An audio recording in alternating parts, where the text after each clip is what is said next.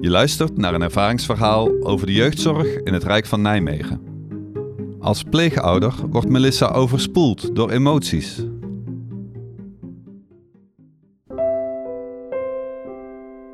Het is vrijdagmiddag en ik loop vol spanning loop ik door het huis heen. Want vandaag komt onze eerste pleegzoon bij ons wonen. Een jongen van 11 jaar. Ik wacht tot de deurbel gaat. En ja hoor, daar is hij.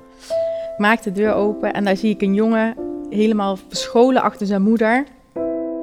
En op dat moment gaan er van allerlei emoties en gedachten door mij heen. Wat, wat ga ik zeggen tegen hem? Hoe ga ik hem geruststellen? Nou, ik zeg kom maar naar binnen toe. Ik wist dat hij van uh, kinderbueno hield, dus we hadden kinderbueno elkaar liggen op de tafel. En uh, hij loopt naar binnen toe en daar stond hij dan met twee tasjes in zijn handen. Met zijn kleding, dat was alles wat hij bij zich had. En we gingen op de bank zitten. Ja, wat, wat vraag je aan hem? Wat, wat ga je tegen hem zeggen? Hoe kan je hem geruststellen? We kennen elkaar niet. Uh, hij is eigenlijk vreemd. Ik heb hem op een foto gezien, maar het was het enige. En ja, hoe gaat het met je? Ja, wat denk je? Hoe gaat het met hem? Het is een jongen van elf en hij moet in een wildvreemd huis bij wildvreemde mensen gaan wonen. Op dat moment begint hij te huilen.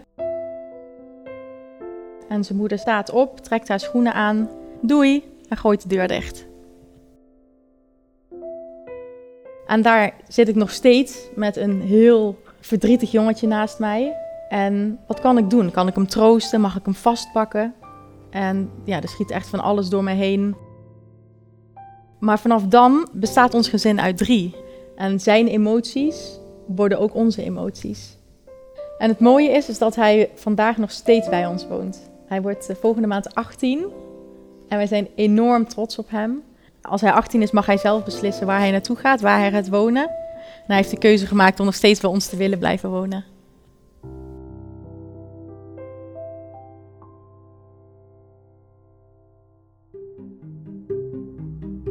Je luisterde naar een verhaal uit de serie Kind te Rijk. Een co-productie van het Rijk van Nijmegen en Zorgdragers. Firma Reuring, Buitenzinnen, Sier en Nathan van der Veer.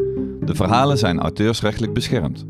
Benieuwd naar meer mooie verhalen? Kijk op jeugdregionijmegen.nl en zorgdragers.nl.